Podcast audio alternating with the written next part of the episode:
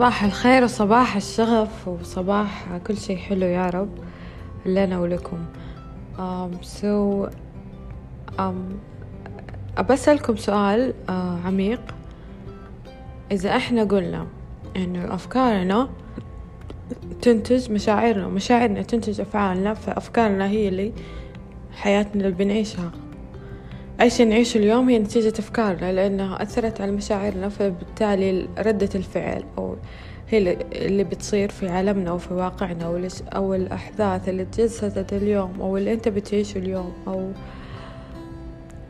سمبلي حياتك هي نتاجها أفكارك. وهذا يعني أمر محتوم في النهاية. طيب ماذا لو أفرغنا المحتوى الفكري كيف لو إحنا فرغنا هذه الأفكار سواء أفكار إنه إيجابية أفكار سلبية أفكار في آه لها علاقة بالعمل أفكار لها علاقة بالسياسة أفكار لها علاقة بالأمراض واللي بيصير اليوم أفكار لها علاقة.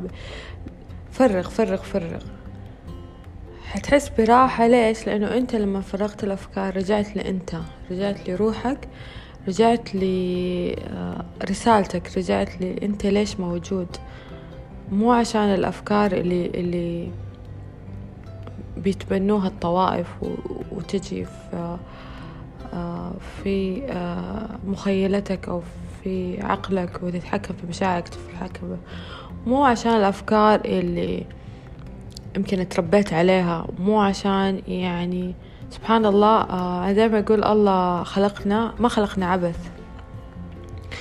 اللي ما في رسالة اللي ما في شيء مميز أنت حتأديه في حياتك. وهذا المميز حيجي من روحك من إن إنك تدخل وتعرف نفسك من جد ورسالتك من جد. وما حتعرف إلين ما تفرغ المحتوى الفكري. وما حترجع لذاتك الحقيقية ونفسك الحقيقية إلين تفرغ المحتوى الفكري اللي أنت أصلا ما أنت عارف من وين جاء وأنا ليش عايش كده وأنا ليش ردة فعلي كده وليش.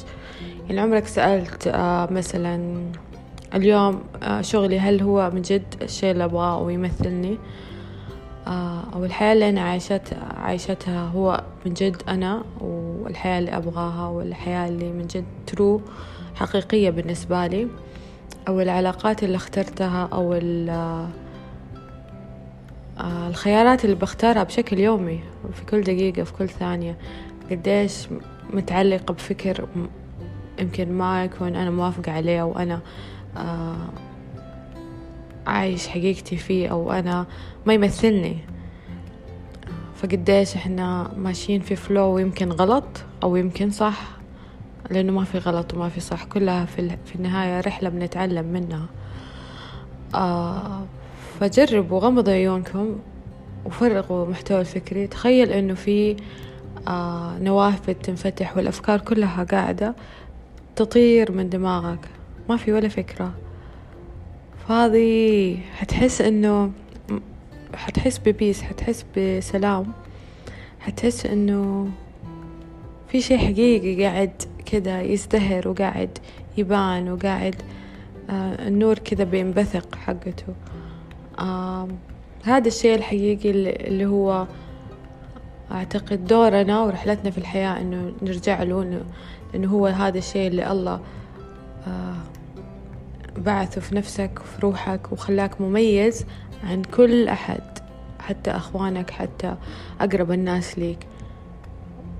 وحط فيه له الرسالة اللي عاشها واللي حققها كان من أبرز الناس وكان له أثر في الأرض الناس يفتكروه سنين بعد موته أو بعد انتهاء حياته ومرحلته في الحياة.